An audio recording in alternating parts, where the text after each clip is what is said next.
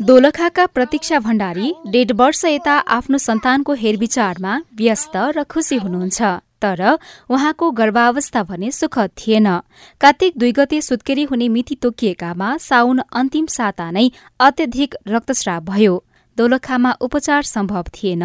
गाडीबाट काठमाडौँ आउँदा समय धेरै लाग्ने भयो। त्यसैले उहाँले स्वास्थ्यकर्मीको सल्लाह प्रमुख जिल्लाधिकारीको समन्वयमा महिला बालबालिका तथा ज्येष्ठ नागरिक मन्त्रालयको सहयोगमा हेलिकप्टर उद्धार सेवा लिनुभयो। उद्धार भए पछाडि म थापाथली स्थित हस्पिटलमा एडमिट भए अनि त्यहाँको डाक्टरको उपचार पाएपछि अहिले म र मेरो बच्चा एकदम स्वस्थ छौँ। खोटाङको बराहा पोखरी गाउँपालिका एकका बिस्ना मगरले लामो प्रसव पीडा घरमै सहनुभयो। हेलिकप्टर मार्फत उद्धार गरी अस्पताल ल्याउँदासम्म बच्चाको मृत्यु भइसकेको थियो। तर आमा भने बस्न सफल हुनुभयो।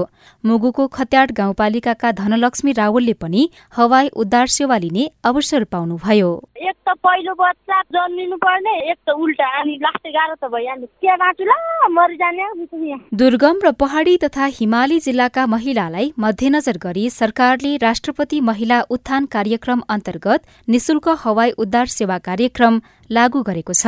सुत्केरी व्यथा लागेमा अत्यधिक रक्तस्राव भएमा आमा र बच्चाको ज्यान जोखिममा भएमा स्थानीय सरकारको सिफारिश र मन्त्रालयका अधिकारीको समन्वयमा महिलाको उद्धार हुने गरेको छ। कार्यक्रम लागू भएको तीन वर्षमा चार सय तीन महिलाले यो सुविधा लिएका छन्।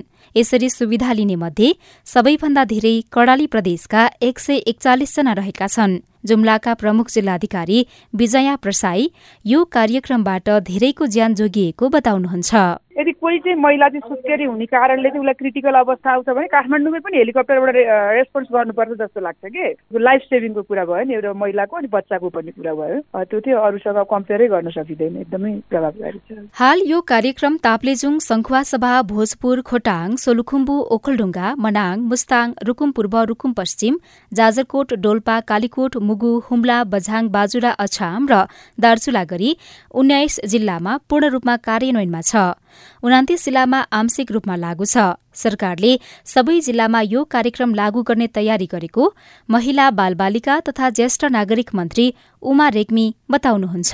भएको बजेट चाहिँ नपुगेर त बजेट पनि कम हुन्छ। अर्थ मन्त्रालयसँग हवाई उद्धारको लागि चाहिँ थप बजेटको माग गरिरहेछौँ। त्यो थप बजेट भएपछि अरू अझै त्यस्ता जोखिम ठाउँमा चाहिँ हामी काम गर्छौँ। लामो प्रसव व्यथा लागेमा वा सुत्केरी तथा गर्भवती अवस्थामा कुनै पनि समस्या देखिएमा स्थानीय सरकारको समन्वयमा मन्त्रालयको राष्ट्रपति महिला उत्थान कार्यक्रम समन्वय इकाइको फोन नम्बर अन्ठानब्बे पाँच बाह्र पचपन्न दुई सय चौन्न शून्य एक बयालिस शून्य शून्य तीन दुई आठमा सम्पर्क गर्न सकिन्छ।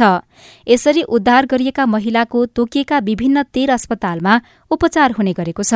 तर उद्धारको लागि समन्वय भने अझै सहज नभएको नागरिकहरू बताउँछन्। उषा तामाङ सीआईएन काठमाडौँ।